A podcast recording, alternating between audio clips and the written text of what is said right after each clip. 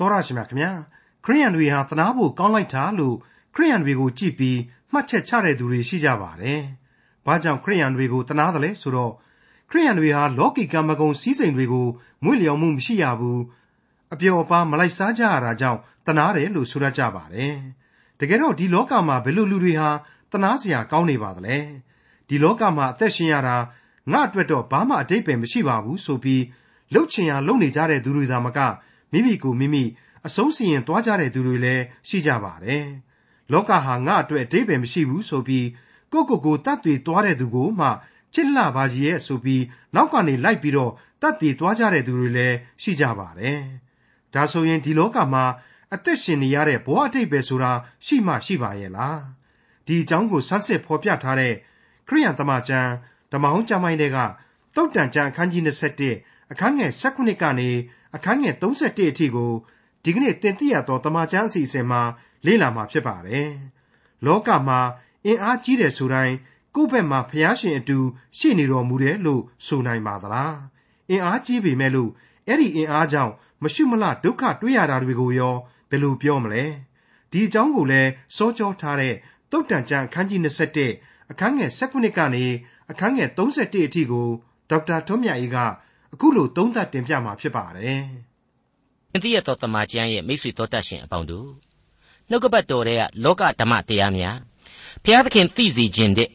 ကယ်တင်ရှင်ရဲ့ဝိညာဉ်ရေးဆိုင်ရာသွန်သင်ခြင်းများအကြောင်းဒီကိုလှိုင်လှိုင်ဝေးအောင်မြင့်မြင့်မြတ်မြတ်ဖော်ပြနေတဲ့သုတ်တန်ကျမ်းသင်ခန်းစာတွေဟာအခန်းကြီး21အငယ်16အထိပြီးမြောက်ခဲ့ပြီဖြစ်ပါတယ်။သုတ်တန်သင်ခန်းစာဒီထဲမှာတော့အခုအခန်းကြီး21ဟာအရေးကြီးတဲ့ကြမ်းကြီးတစုပဲလို့ ဓမ္မသုတီသည်အများကသတ်မှတ်ထားတယ်ဆိုတာကိုလေကျွန်တော်ရှင်းလင်းတင်ပြခဲ့ပြီးဖြစ်ပါတယ်ဒီကနေ့စတင်ရမယ့်အခန်းကြီး21အငယ်16ဟာဘယ်လိုဖော်ပြလိုက်သလဲဆိုတာကိုနားဆင်ကြည့်ကြပါအောင်စို့ကာမဂုဏ်၌မွေ့လျော်သောသူသည်ဆင်းရဲခြင်းသို့ရောက်လိမ့်မည်စပြည့်ရည်နှင့်စီကိုကြိုက်သောသူသည်လည်းငွေကိုမရတတ်ရဒီနေရာမှာကာမဂုဏ်ဆိုတာဟာ sex လို့ခေါ်တဲ့ကိလေသာယာကတစ်ခုတည်းကိုပြောချင်တာမဟုတ်ပါဘူးလောကအပျော်အပါးများအားလုံးကို ခြုံငုံဖော်ပြလိုတာဖြစ်တဲ့အကြောင်းကိုအခြားကြမ်းများနဲ့ညှိနှိုင်းအဖြေထုတ်လို့ရနိုင်ပါ रे အပျော်အပါးဆိုတာကိုစကားခံလိုက်တော့အခုကျွန်တော်တို့ရဲ့ပြစ္ဆုတ်ပံကာလကြမှာအပျော်အပါးများလာတာမဟုတ်ပါဘူးရှေးခေတ်ရှေးခေတ်အလျောက်အပျော်အပါးတွေဟာအမျိုးမျိုးပဲဖြစ်ခဲ့လိမ့်မယ်ကျွန်တော်အကြိမ်ကြိမ်တင်ပြဘူးတဲ့အတိုင်းပဲကျွန်တော်ရဲ့လင်္ကာတစ်ခုထဲမှာကျွန်တော်ဟာလောကလူပုံရဲ့တရုပ်ဆောင်ကိုဖော်ပြပေးခဲ့ပါတယ်အခုဒါလေးကိုကျွန်တော်တစ်ခေါက်ပြန်ပြီးတော့ဖတ်ပြခြင်းပါတယ် လောကလူပုံတရုပ်စုံကိုယုံတော်ရှိရှိမရှိရှိ ပုံဖော်ရှုကြည့်ဆင်ခြင်ပြီလူဤတရေဆန်းစစ်လေသောတဏှာပေမဝဲဩကနှင့်ကာမရေဘွက်တခဲနဲ့နှင့်ရက်ဆက်ညီညီဒေါသမီးနှင့်အပီးအပိုင်မဆုံးနိုင်သည်သူ့မြိုင်မြေသို့ပြန်သည်ချီအဲ့ဒါဟာလူသားတို့ရဲ့အစဉ်အလာပဲဖြစ်ပါလေအဲ့ဒီလူသားတို့ရဲ့အစဉ်အလာနဲ့အညီပဲကျွန်တော်တို့လူသားတွေဟာလေရှင်သန်နေရတယ်လို့ကျွန်တော်အနေနဲ့ဆွဆွဲကြင်ပါတယ် အခုသုတ်တန်ဆရာကတော့ပြတ်သားစွာသတိပေးနေပါတယ်အပျော်အပါအလွန်မလိုက်စားနဲ့စပြည့်ရည်နဲ့စီကိုသိမ့်မကြိုက်ကြနဲ့တဲ့မှန်ပါတယ်စပြည့်ရည်နဲ့စီဆိုတာကတော့အဲ့ဒီရှေးခေတ်ကမူရစ်ဆေးဝါးနဲ့ရေမွှေးတို့ပေါဒါတို့ကိုပြောတာပါပဲမပြောရဘူးလားမွှေးမွှေးကြိုင်ကြိုင်မဖြစ်ရဘူးလားဆိုတော့ဒီတိုင်းမဟုတ်ပါဘူးငွေတွေတောက်တောက်လဲဖြုံးတိရရောက်တယ်အငွေ့ပြန်သွားပြီးရင်လဲဘာစုဘာမှအကျိုးရှိရှိမကြံရဘူးဖျားသခင်ကိုလည်းတရင်ကဖြစ်ဖြစ်အ ਨੇ စုမေ့လျော်စေတယ်ဒါကြောင့် အဲ့ဒီအပိုဆာရတွေမင်းတို့မလုတ်ကြနဲ့အကြီးအကျယ်ဒီအပိုဆာရတွေကြားထဲမှာသာယာမနေနဲ့နစ်မျောမနေကြနဲ့ဆိုပြီးဆုံးမတာသာဖြစ်ပါတယ်မိတ်ဆွေအပေါင်းတို့ခမညာအပျော်အပါးတွေလဲလိုက်ငွေတွေလဲတောက်တောက်လဲကုန်နေရတဲ့လူတွေကြတော့အဲ့ဒီတောက်တောက်လဲကုန်တဲ့ငွေတွေပဲတောက်တောက်လဲပြန်ပြီးတော့ဝင်နေကြတယ်ဘုံဘောလောပြန်ပြီးတော့ဝင်ငွေတွေရွှင်ပြီးတော့ချမ်းသာနေကြတာတည်ကြတော့ဘယ်နဲ့ပြောမလဲဆိုပြီးတော့စကရင်ဆိုနိုင်ပါတယ်ဇောရကတက်နိုင်လိမ့်မယ်လို့ကျွန်တော်ထင်ပါတယ် အဲ့ဒီလိုလူမျိုးတွေလေလောကကြီးမှာရှိနေတာပဲဆိုတာကျွန်တော်မငင်းပါဘူးမငင်းနိုင်ပါဘူးဒါပေမဲ့ကျွန်တော်တို့ရဲ့လူအုံနှောက်ရဲ့အတိုင်းအထွာနဲ့ဘုရားသခင်ရဲ့ရှေ့တော်မှောက်ကစီးမြင်ကလနာဟာအရှင်းမတူနိုင်ပါဘူးအကြီးအကျယ်ကွာခြားခြင်းရှိနေနိုင်ပါတယ်ကျွန်တော်တို့ကကိုယ့်ရဲ့တရင်ကအသက်တာပေါ်မှာသာမူတည်ပြီးတော့အရာရာကိုဆုံးဖြတ်ပါတယ်အနန္တကာလဆိုတဲ့အတိုင်းအတာမဲ့သောဝိညာဏခရီးကိုသာမျှော်ကြည့်ရမယ်လို့ကျွန်တော်ဒီနေရာမှာဆိုချင်ပါတယ်ပျော်တယ်ဆိုတာဟာရောလူအသွေးအသားကအာယုံခံစားမှုဘောမှာသာ ပျော်ရပါရတာလားဆိုရင်မှားတယ်လို့ကျွန်တော်ကတော့ရေးရေးကြီးပြောချင်ပါလေတစ်ချိန်ကကျွန်တော်ပြောခဲ့ဘူးတဲ့ဝက်နဲ့ချောင်းအသင်းတော်ကဖိုးဖိုးကြီးဆရာကြီးဦးထွန်းဖေဆိုတဲ့ပုဂ္ဂိုလ်ကြီးအကြောင်းကိုကျွန်တော်ဖော်ပြခဲ့ပြီးတာကိုမိတ်ဆွေတို့မှတ်မိကြမယ်ထင်ပါလေဒီဖိုးဖိုးကြီးဟာလေမုတ်ဆိုးဘူကြီးဖြစ်တယ်အသက်60ခန့်အထိဘုရားသခင်အမှုတော်ကိုဆောင်သွားခဲ့တယ်သားတွေသမီးတွေဟာလေသူ့အနဲ့သူအကုန်ချမ်းချမ်းသာသာကြီးပဲသူ့ကိုကျွေးနိုင်တာကြီးပဲဒါပေမဲ့ तू ကတခါမှအဲ့သားသမီးတွေစီတွားပြီးတော့ဇိမ်ခံနေတာ ဟိုတယ်မှာအစားအသောက်တွေမှာစားတာအိမ်ဦးကမ်းမှာပဲထိုင်ပြီးတော့အစားအသောက်တွေနဲ့ကြီးပဲဇင်းရင်နေတာတခါမတွေ့ရဘူးသူခမရမှာ ice cream တို့ faluda လို့လောက်နေတောင်မှဇိမ်ခံနေတာရေလို့ကျွန်တော်မတွေ့ရပါဘူးသူကသူတယောက်တည်းဘုရားသခင်နဲ့စကားပြောတယ်အဖြေကိုရှာတယ်အသင်းတော်ကလေးကိုလေသေတပံသက်တဆုံးကြည့်ရှုပြုစုသွားတယ်ရောင်ရဲခြင်းအပြည့်အဝနဲ့အလွန်တရာဂုံအသရေရှိရှိသေဆုံးသွားခဲ့တယ်စတဲ့အချက်တွေကိုကျွန်တော်ပြီးခဲ့တဲ့အတိတ်သင်ခန်းစာတွေမှာဖော်ပြခဲ့ပြီးဖြစ်ပါတယ် သူကတခါမှလည်းနဖူးလက်နဲ့ရိုက်ပြီးညီးတာညူတာမျိုးမတွေ့ရပါဘူးသေဘေးဆိုတာလေထဲ့တောင်မစင်စားဘူးလောကမှာလူဘဝနဲ့ပဲကောင်းကင်အမွေကိုသူခံယူနေပြီလို့သူနားလေခဲ့တယ်ကောင်းကင်နိုင်ငံတော်ရသကိုသူဟာရှင်သန်စေကာလမှာပဲသူ့ဝိညာဉ်နဲ့သူခံစားနေရပြီအင်မတန်ပျော်ရွှင်ချမ်းမြေ့နေရပြီဆိုတာကိုထင်းနေအောင်ကျွန်တော်တွေ့ကြရဘူးပါတယ်အဲ့ဒီလိုပုံကူမျိုးနဲ့ဆန့်ကျင်ဘက်မြင်ကွင်းကတော့ကဘာကျော်တထေးကြီးတွေထိတ်တန်းရုပ်ရှင်အမှုပညာရှင်ကြီးတွေလိုပုံကူမျိုးတွေစီမှာတွေ့ရပါတယ် စာအုပ်စာပေတွေမှာဖတ်ရပါတယ်တယောက်ဆိုရင်လေဘိန်းဆွဲနေတယ်တဲ့ကမ္ဘာထိတ်တန်းမြို့တော်ကြီးတွေကိုသူ့အတွင်းလူ၄၅ယောက်လောက်နဲ့ပဲသွားပြီးဟိုတယ်ကြီးတစ်ခုလုံးကိုချုပ်ပြီးငှားထားတယ်အဲ့ဒီမှာတဲခိုတယ်မူရစ်ဆေးမှီဝဲတယ်အနှိတ်ခံတယ်နောက်ဆုံးသေတဲ့အချိန်ကျတော့ဘသူ့ကိုအမွေပေးခဲ့ရမှန်းပြက်ပြက်သားသားမသိရလို့ဆိုပြီးတော့ဆွေမျိုးတွေထပြီးတော့ရံဖြစ်လိုက်ကြတာလေအုတ်အော်တောင်းတင်မယ်ကဘာကျော်သွားတာပဲတဆွေလုံးတစ်မျိုးလုံးနဲ့အရှက်တီကွဲကြပါလေရော အဲ့ဒီဆွေတွေမျိုးတွေတဲ့ကသူ့အမွေကိုဘသူတွေခံစားရမှန်းတော့နောက်ထပ်သတင်းစာတွေထဲမှာမတွေ့ရလို့ကျွန်တော်လည်းမပြောတတ်တော့ဘူးအဲအဲ့ဒီအတိုင်းပဲနောက်တစ်ယောက်ကြပြန်တော့လေလောကကြီးဟာငါ့အတွက်ဘာဆိုဘာမှအတိတ်ပဲမရှိပါဘူးကွယ်ဆိုပြီးတော့တတ်သေးသွားတယ်အမေသူတတ်သေးတော့သူ့ကိုချစ်လို့ဆိုပြီးတော့အချောက်တိုက်လေလိုက်ပြီးတော့တတ်သေးသွားတဲ့ပေါ်တော်တော်လူတွေတောင်၄၅ယောက်ရှိတယ်ဆိုပါလားကဲဒီအချက်တွေဟာလောကရဲ့ဟာသမြောက်သောမြင်ကွင်းတွေဖြစ်နေပြီမဟုတ်ဘူးလား ကမ္ဘာလောကကြီးလူအဖွဲ့အစည်းကြီးဟာကမောက်ကမဖြစ်ရတဲ့နဲ့ပြည့်နေပြီဆိုတာဟာရှင်းနေပြီမဟုတ်ဘူးလားအဲ့ဒီတော့ငွေကိုမရတတ်ရဆိုတာဟာနောက်ဆုံးတော့ဒေါ်လာတွေအိတ်ထဲမဝင်တာကိုပြောတာမဟုတ်ပါဘူးသောကဖီစီဆင်းရဲခြင်းပဲဆင်းရဲခြင်းဆိုတာဟာလေပူလောင်ခြင်းဝေဒနာတွေပဲဒုက္ခတွေပဲဆိုတာကိုကျွန်တော်တို့သဘောပေါက်ဖို့သာသတိပေးလိုက်ခြင်းလို့ကျွန်တော်ခံယူပါတယ်တခါဆက်လိုက်တဲ့အချက်ကတော့ဒီအချက်ကိုပဲဆက်ပြီးအတိတ်ပဲဖွင့်ပေးပါလေဦးမယ်သုတ်တန်ကျမ်းအခန်းကြီး27အငယ်18 မတရားသောသူသည်တရားသောသူအဖို့လွန်ကျူးသောသူသည်ဖြောင့်မတ်သောသူအဖို့ရွေးရန်ဖြစ်၏တဲ့အလွန်အလွန်လေးနဲ့သွားရပြီစဉ်းစားစရာတွေပါသွားပြီဒီအဖြစ်ဆိုးတွေဒီသင်္ကန်းစားတွေဟာဒီလောကရန်လူသားတွေထဲမှာပဲခံယူနိုင်သူတို့အဖို့ကောင်းသောတက်သေးသာရကတွေဖြစ်လာတယ်ရယူနိုင်ရင်ယူနိုင်သလောက်ဖြောင့်မတ်ခြင်းတရားကိုခန်းစားနားလေစေဖို့ဖြစ်တယ်ဆိုတဲ့အချက်ပါပဲဒီနေရာမှာတွေးခေါ်စရာတစ်ချက်ကတော့ အပြစ်အရှင်းမရှိတဲ့ဘုရားသခင်ဟာလူစားတီကိုခံယူပြီးတော့အပြစ်ရှိလူသားတို့အတွက်အသက်ပေး၍ရွေးခဲ့တယ်ဆိုတဲ့အချက်ဖြစ်ပါတယ်တနည်းအားဖြင့်တော့ပြစ်မှားလွန်ကျူးနေကြတဲ့ကျွန်တော်တို့လူသားတို့အဖို့ဖြောင့်မတ်သောယေရှုဟာကားတိုင်းပေါ်မှာအသေးခံတော်မူပြီးတော့အပြစ်မှရွေးနှုတ်ပေးခဲ့ခြင်းပဲဖြစ်ပါတယ်သုတ်တန်ကျမ်းအခန်းကြီး27အငယ်19စိတ်တူ၍ရန်တွေ့တတ်သောမိမနှင့်နေသည်တဲ့တောလွင်ပြင်း၌နေတော်သာ၍ကောင်း၏လာပြန်ပြီနော်ရှောလမုန်ဟာကိုယ်တိုင်ရန်တွေ့ခံနေရတာအသေးချပဲ အရင်တစ်ခါတော့ကတော့အဲ့ဒီလိုမိမကြီးမျိုးတဲ့ခေါင်မိုးပေါ်တက်ပြီးတော့ထိုင်နေရတာတော်သေးတယ်ဆိုပြီးသူဖော်ပြခဲ့တယ်အခုတော့အဲ့ဒီတိုင်းပဲဆက်ပြီးဖော်ပြပြီစိတ်တူ၍ရန်တွေ့တတ်သောမိမကြီးနှင့်နေရတာတဲ့အဲ့ဒါကြီးမျိုးကိုစွန့်ပြီးတော့တောလွင်ပြင်မှာသွားပြီးတော့ရှင်ကြိုက်ခံနေရင်တော့မှတော်သေးတယ်တဲ့ရည်စရာကြီးဖြစ်နေပြီမဟုတ်ဘူးလားဒီနေရာမှာကျွန်တော်ကထပ်ဆင့်ပြီးသတိပေးချင်တာရှိပါသေးတယ်ရန်တွေ့သောမိမရန်တွေ့သောမိမဆိုပြီးတော့နှုတ်ကပတ်တော်ဟာမိမတွေကိုတမင်နှိမ့်ချတာမဟုတ်ပါဘူးဉာဏ်ပညာတီးရှိရာအရက်ကိုတောင်းမှ သုတ်တန်ကျမ်းဟာရှီဆိုတဲ့နန်စားနဲ့အသုံးပြုခဲ့တယ်သူမလို့သုံးဆွဲခဲ့တယ်နောက်ပိုင်းမှာလည်းသီလနဲ့ပြည့်စုံသောမိမရဲ့ဂုံပုတ်တွေနဲ့မြင့်မြတ်သောမိမတို့ရဲ့ဂန္ဓတွေကိုလည်းဆက်ပြီးတွေ့ရအောင်မှာဖြစ်တဲ့အကြောင်းကြိုတင်ဖော်ပြထားနှင်ကြပါလေသုတ်တန်ကျမ်းအခန်းကြီး27အငယ်20နဲ့21ပညာရှိသောသူ၏အိမ်၌နှစ်သက်ဖွယ်သောဗန္တာနှင့်စီရှိတတ်၏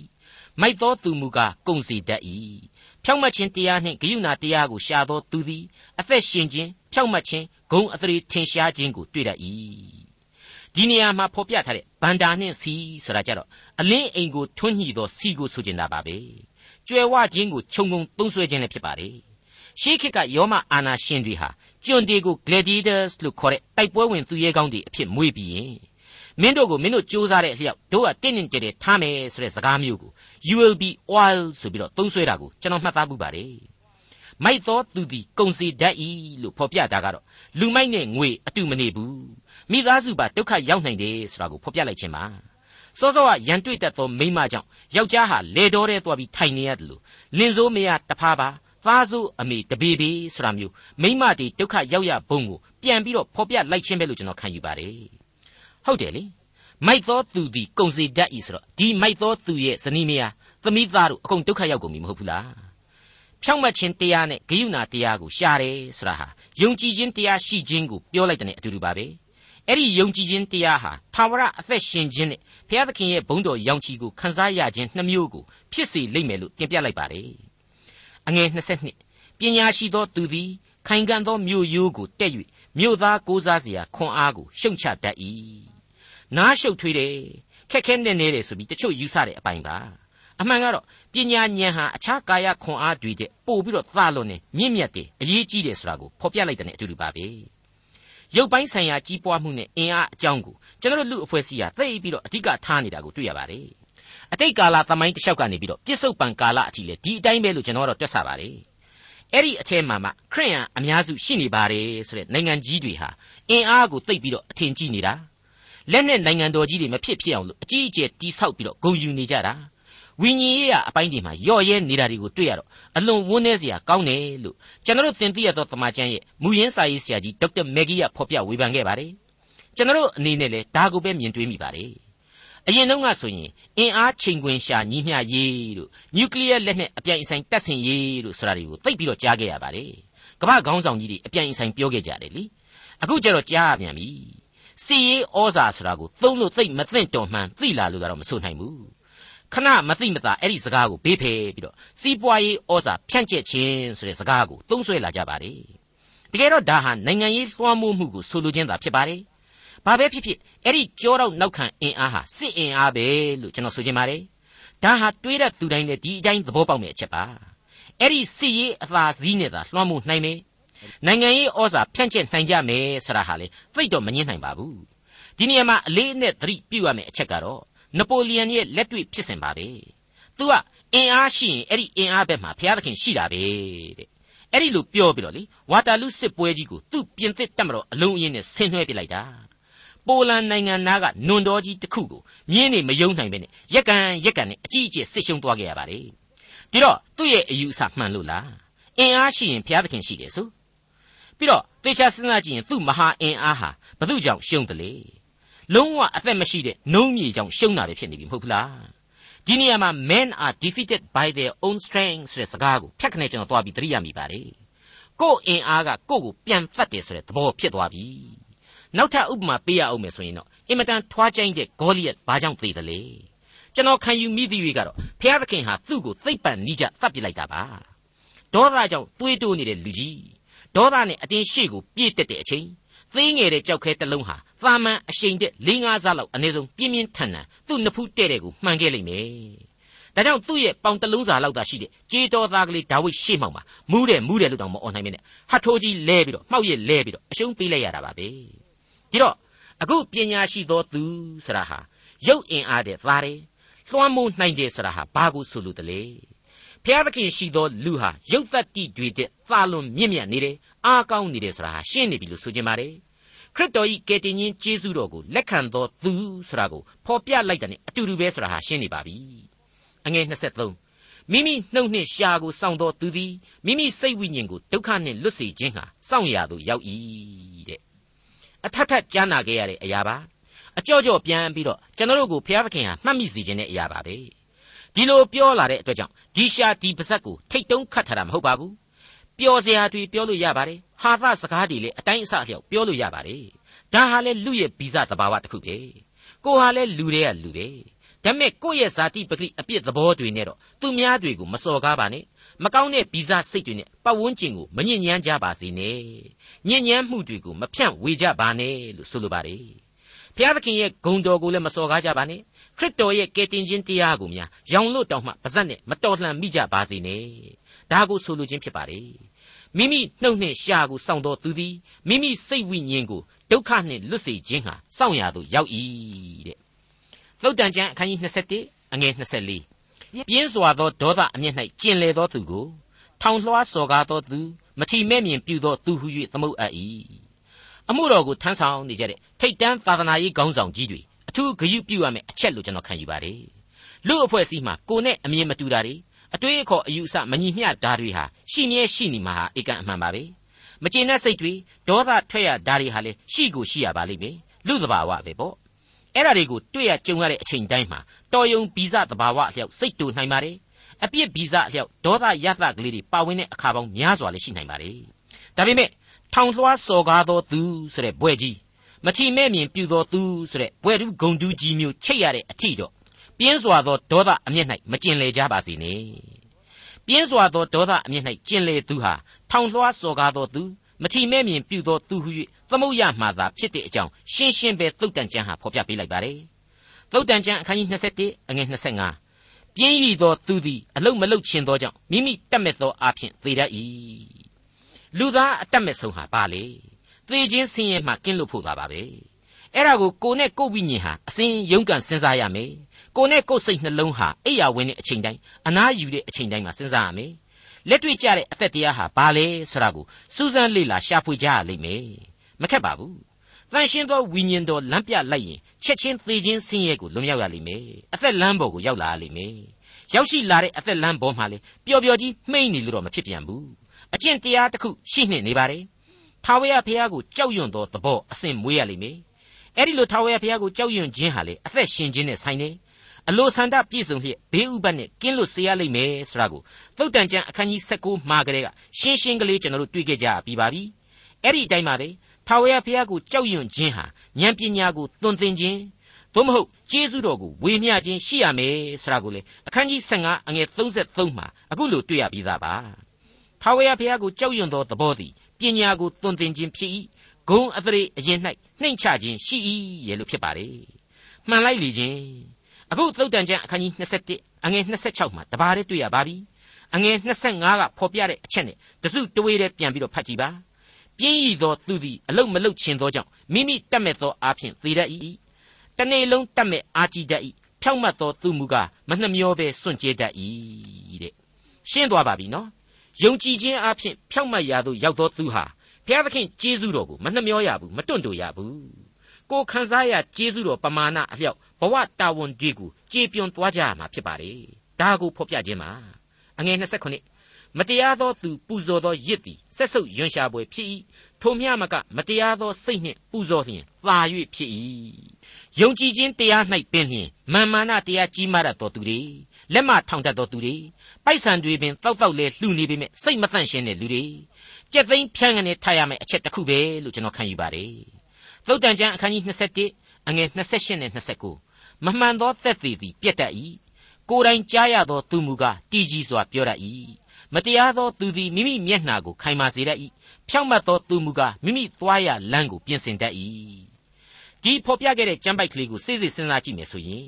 ခရစ်တော်ကိုသေစေခြင်းလွန်းလို့ဆိုပြီးတော့ဝိုင်းပြီးတော့ညစ်ပတ်ကြတဲ့ဖာရိရှဲတွေကျမ်းတက်ကြီးတွေရဲ့ဖြစ်ရတွေဟာအသစ်လိုပြန်ပြီးတော့အောက်မေ့စရာဖြစ်လာပါလိမ့်မယ် ရှင်မသက်ခရစ်ဝင်ကျမ်းထဲကဖော်ပြချက်တွေနဲ့တိုက်ဆိုင်ကြည့်နိုင်ပါတယ်။ယင်နှင့်ဘွယ်ရာနောက်ဆုံးညကဖြစ်ပုံတွေကိုအလွန်ပြေပြန်ပြီးတော့နားဆင်ကြည့်ကြပါအောင်စို့။ရှင်မသက်ခရစ်ဝင်ကျမ်းအခန်းကြီး26အငယ်58မှ61ကိုတော်ကိုဖန်ဆီးသောသူတို့သည်ကြမ်းပြူစရာလူအကြီးအကဲများစည်းဝေးရာယေပရောဟိတ်မင်းကရာဖထံသို့ဆောင်းသွားကြ၏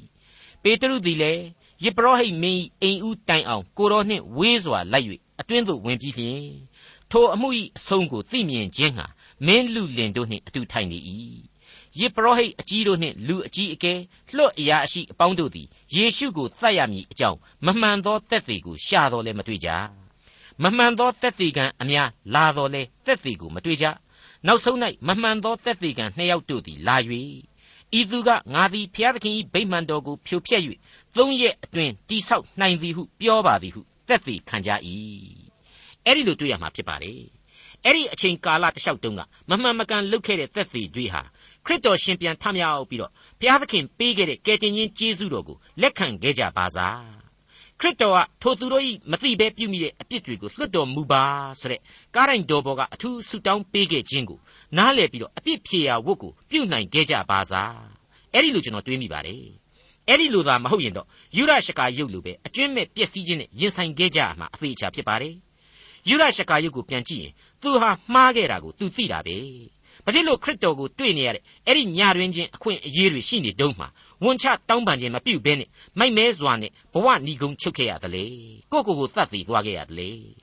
နောက်ဆုံးတော့လူသားရဲ့ဗီဇစိတ်မှာကဘုရားသခင်ကိုမအောင်မေ့တော့ဘဲနဲ့စာရန်ကိုသာအဆုံးတိုင်ဖက်တွေသွားခဲ့ရလို့သူတို့တွေရဲ့ဘဝဟာအမှောင်ကြီးလုံးဝကျသွားခဲ့ရတာပဲလို့ကျွန်တော်တွေးမိပါတယ်အထူးသဖြင့်ယူရရှကာယုံနဲ့ပတ်သက်လို့ပါမှန်ပါတယ် ခရစ်တော်ဟာအသေးခံခြင်းဘာကြောင့်ပြုတယ်လေယူရရှကာယုတ်အဲ့ဒီသူ့အပေါ်မှာဝိုင်းပြီးတော့သတ်ချင်ကြတဲ့ဖာရိရှဲတွေကျမ်းတက်တွေအားလုံးအပါအဝင်လူသမိုင်းကလူသားတွေအားလုံးအတွေ့ကဲတင်ခြင်းကျေးဇူးပြုဖို့ကားတိုင်ပေါ်ကိုတက်ပြီးတော့အသေးခံခဲ့တာဒီကျေးဇူးတော်ကိုမခံယူနိုင်သူဟာမခံယူနိုင်ခဲ့ဘူးဟုတ်ပါတယ်မိတ်ဆွေမတရားသောသူသည်မိမိမျက်နှာကိုခိုင်မာစေတတ်၏ဖြောက်မတ်သောသူမူကားမိမိသွားရလမ်းကိုပြင်ဆင်တတ်၏လို့သုတ်တန်ဩဝါဒကဖော်ပြထားတယ်မဟုတ်ဘူးလား ကမ္ဘာလောကကြီးမှာခရစ်တော်နဲ့တန်ရှင်းသောဝိညာဉ်တော်အားဖြင့်သာဖြောက်မတ်ခြင်းဆိုတာဟာရှိနိုင်ပါတယ်ခရစ်တော်အားဖြင့်သာလျှင်ကိုသွားရမယ့်သာဝရအသက်တာလမ်းကိုလူသားဟာပြင်ဆင်သွားနိုင်မှာလည်းဖြစ်ပါတယ်မိတ်ဆွေအပေါင်းတို့ခမညာ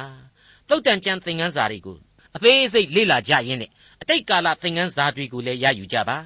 အနာဂတ်အတွက်လည်းပြင်ဆင်ခြင်းရှိကြပါဘုရားသခင်ကိုဆုတောင်းခွန်အားယူလျက်အသက်တာကိုရှောက်လှမ်းနိုင်ကြပါစေလို့ကျွန်တော်တိုက်တွန်းအားပေးလိုပါတယ် သုတ်တန်ကျမ်းအခန်းကြီး21အငယ်30ထာဝရဘုရားတစ်ဖက်၌ဉာဏ်မတီးပညာမတီးအကြံတစုံတစ်ခုမျှမတီးနိုင်ကဲတချီတဲ့နဲ့အပြတ်ဖဲလို့ကျွန်တော်တို့ဆိုချင်ပါတယ်ယတိပြတ်ဆန်းလာသောကြီးညာချက်ပါပဲစောစောပိုင်းကပဲကျွန်တော်ပြောခဲ့ပါသေးတယ်နော်ခရစ်တော်အားဖြင့်သာလျှင်ရယူနိုင်တဲ့ဉာဏ်ပညာဖြစ်တယ်ဒီဉာဏ်ပညာဟာထာဝရဘုရားကိုချစ်ကြောက်ယိုသေးခြင်းရှိမှလေရယူနိုင်တယ်ဆရာတွေ့ကိုအခုနကလေးမှတင်ပြောခဲ့သေးသလို သင်သိရသောသမာကျမ်းအဆက်ဆက်တို့မှလေကျွန်တော်အသေးစိတ်ဖော်ပြခဲ့ပြီးဖြစ်ပါတယ်ဒါကိုတမန်တော်ကြီးရှင်ပေါလုဟာကောရိန္သုဩဝါဒစာဒုတိယစာဆောင်အခန်းကြီး73အငယ်8နဲ့9မှာအခုလိုဖော်ပြပေးခဲ့ပါတယ်ငါတို့သည်သမာတရားကိုစီတာခြင်းဟာအရှင်းမတတ်နိုင်ကြသမာတရားဘက်၌နေ၍သာတတ်နိုင်ကြ၏တဲ့အဲ့ဒီလိုရှင်ပေါလုဖော်ပြခဲ့ခြင်းပါပဲ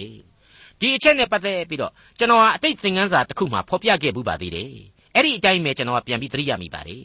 ကျွန်တော်လူသားတွေဟာဖျားသခင်ပိုင်ဆိုင်တော်မူတဲ့နှုတ်ကပတ်တော်ဆိုတဲ့သမာကျမ်းစာနဲ့ပတ်သက်ပြီးတော့ဖော်ပြကြည်ညာပေးုံလောက်သာရှိနိုင်ပါတယ်ဖြန့်ပြူးဝေမျှနိုင်ုံလောက်သာရှိပါတယ်မေတ္တာများစွာနဲ့ပေါ့လူတိုင်းအသက်တရားကိုခံစားစေဖို့အတွက်ပါ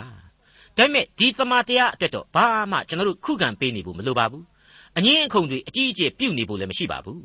ဘာဖြစ်လဲဆိုတော့သူဟာသူ့ဖသာသူအသက်ဝိညာဉ်ရှိပြီးသားဖြစ်ပါတယ်အသက်လမ်းဖြစ်နေပါတယ် တမန်ကျမ်းစာဟာသူ့အတူအလိုလိုအကွယ်အကာရှိပြီးသားဖြစ်တယ်ဆိုတဲ့အချက်ကိုကျွန်တော်မမေ့ဖို့လိုပါတယ်ဒါနှုတ်ကပတ်တော်ကိုသက်မဲ့စာအုပ်သက်မဲ့စာအုပ်ကြီးအပေါ်ကမှသက်မဲ့စာလုံးများနဲ့စာအုပ်ဖြစ်တည်လာကြတဲ့ကဒီစာအုပ်ကြီးဟာဘာလဲကွာဘာဖျားသခင်လဲကွာစာအုပ်ထဲကစာအုပ်ပဲကွာဆိုပြီးတော့ဖြက်လို့ဖြက်စီးလုပ်ခဲ့ဘူးတဲ့သမိုင်းဝင်လူမိုက်ကြီးတွေရဲ့ပျက်စီးမှုနဲ့ရည်မှန်းချက်တွေပြက်သုံးမှုနဲ့ဒီနှုတ်ကပတ်တော်ရဲ့အံ့ပွေသောတည်တံ့မှုတစ်ခုတည်းနဲ့ပဲလွယ်လွယ်ကလေးနှိုင်းရှင်အဖြေထုတ်နိုင်လိမ့်မယ်လို့ကျွန်တော်ဆိုချင်ပါတယ်။ သုတ်တန်ကျမ်းအခန်းကြီး27အငယ်31စစ်တိုက်ရာကာလအဖို့မြင်းများကိုပြင်ဆင်တော်လေထာဝရဘုရား၏ကျေးဇူးတော်ကြောင့်သာချမ်းသာရပါ၏။စောစောတုန်းကနပိုလီယန်အကြောင်းကိုကျွန်တော်ပြောခဲ့ပြီးပြီ။အင်အားဘက်မှာဘုရားသခင်ရှိတယ်တဲ့။ရှိမရှိတော့မပြောတတ်ဘူး။အသက်မဲ့နွန်တော်မှာမြင်းတက်ကြီးဟာနွန်နစ်ပြီးတော့အကြီးအကျယ်ပျက်စီးဆုံးရှုံးသွားခဲ့ရတယ်။ဒီနေရာမှာမိမတွေအများကြီးယူခဲ့တဲ့ရှောလမုန်တယောက်ရန်တွေ့တတ်တဲ့အာချမ်းရှာချမ်းမိမတယောက်ဒဏ်ကိုလှိမ့်ပိန်ပြီးခံခဲ့ရသလို မြင်းတွေအင်မတန်ဝါသနာပါပြီးတော့မြင်းတက်ကြီးထူထောင်မိခဲ့တဲ့ဒဏ်ကိုလေအိုသေးကန်နီးမှာမကြီးမငယ်ကြီးနဲ့ကြုံရဟန်ရှိပါတယ်စစ်တိုက်ရာကာလအဖို့မြင်းများကိုပြင်ဆင်တော်လဲထာဝရဘုရားကြီးကျေးဇူးတော်ကြောင့်ချမ်းသာရပါ၏တဲ့မရှင်းဘူးလားမှန်ပါတယ်သူဟာဘုရားသခင်ကမြင်းမွေးတာကိုတားမြစ်တဲ့ကြားတဲ့ကဒီမြင်းကိုဘယ်လိုဘယ်လိုဝါသနာပါသွားတယ်တော့မဆိုနိုင်ဘူးမြင်းတွေတအားမွေးခဲ့တယ်ဆိုတာကိုဓမ္မရာဇဝင်များမှာကျွန်တော်တို့တွေ့ရပါတယ် နှောင်းခေတ်သူတေတီတွေကလည်းရှောလမုန်ခေတ်ဣသရေလနိုင်ငံအကြောင်းကိုတူးတဲ့ဆွတဲ့အခါမှာမြင်းဆောင်တွေအမြောက်များကိုပြန်တွေ့ရတယ်လို့ဆိုပါတယ်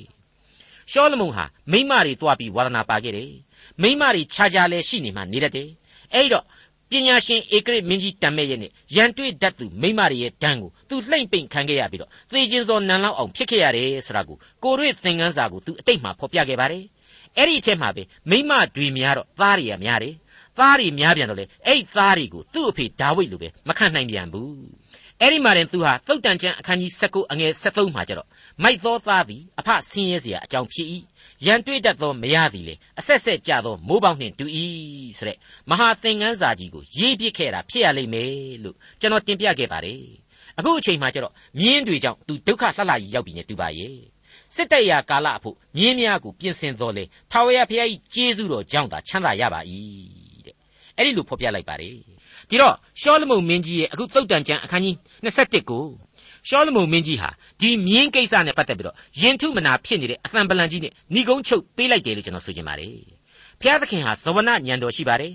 နှုတ်ကပတ်တော်ရဲ့နေရာအစိတ်အပိုင်းများစွာမှာလူသားတွေကိုဟာသယသထုတ်နှုတ်လို့ရယူနိုင်ပြီးတော့ရှင်လန်းတဲ့စိတ်နဲ့အတိတ်ပဲဖွင့်ဆိုစေတယ်လို့ကျွန်တော်ပြက်ပြက်သားသားခံယူပါတယ်အခုဒီအပိုင်းဟာဒီအပိုင်းပဲဖြစ်ပါတယ်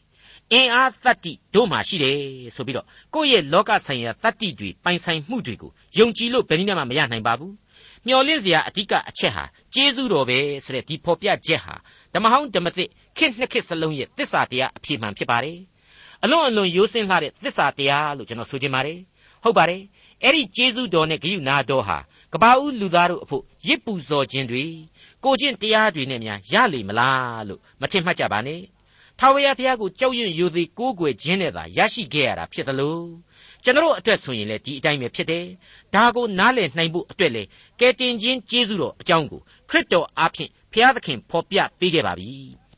ဝိညာဉ်ခွန်အားကိုဘုရားသခင်စီမှာတောင်းခံပြီးတော့နားလည်နိုင်ရန်ကြိုးစားအားထုတ်ကြပါစို့ဉာဏ်ပညာလမ်းမှလွှဲသွားသောသူသည်သင်္ချိုင်းသားအစုအဝေး၌နေရာကျလိမ့်မည်ထာဝရဘုရားတစ်ဖက်၌ဉာဏ်မတီးပညာမတီး အကြံတစုံတစ်ခုမျှမတီးနိုင်စစ်တပ်ရာကာလအဖို့မြင်းများကို ပြင်ဆင်တော်လေထာဝရဘုရား၏ကျေးဇူးတော်ကြောင့်ချမ်းသာရပါ၏ဒေါက်တာထွန်းမြတ်ရေးစီစဉ်တင်ဆက်တဲ့တင်ပြတော်တမချန်းအစီအစဉ်ဖြစ်ပါတယ်နောက်တစ်ချိန်အစီအစဉ်မှာခရိယန်တမချန်းဓမ္မဟောင်းကျမ်းပိုင်းတွေကတုတ်တန်ကျမ်းအခန်းကြီး22အခန်းငယ်1ကနေအခန်းငယ်29အထိကိုလေ့လာမှဖြစ်တဲ့အတွက်စောင့်မျှော်နားဆင်နိုင်ပါတယ်။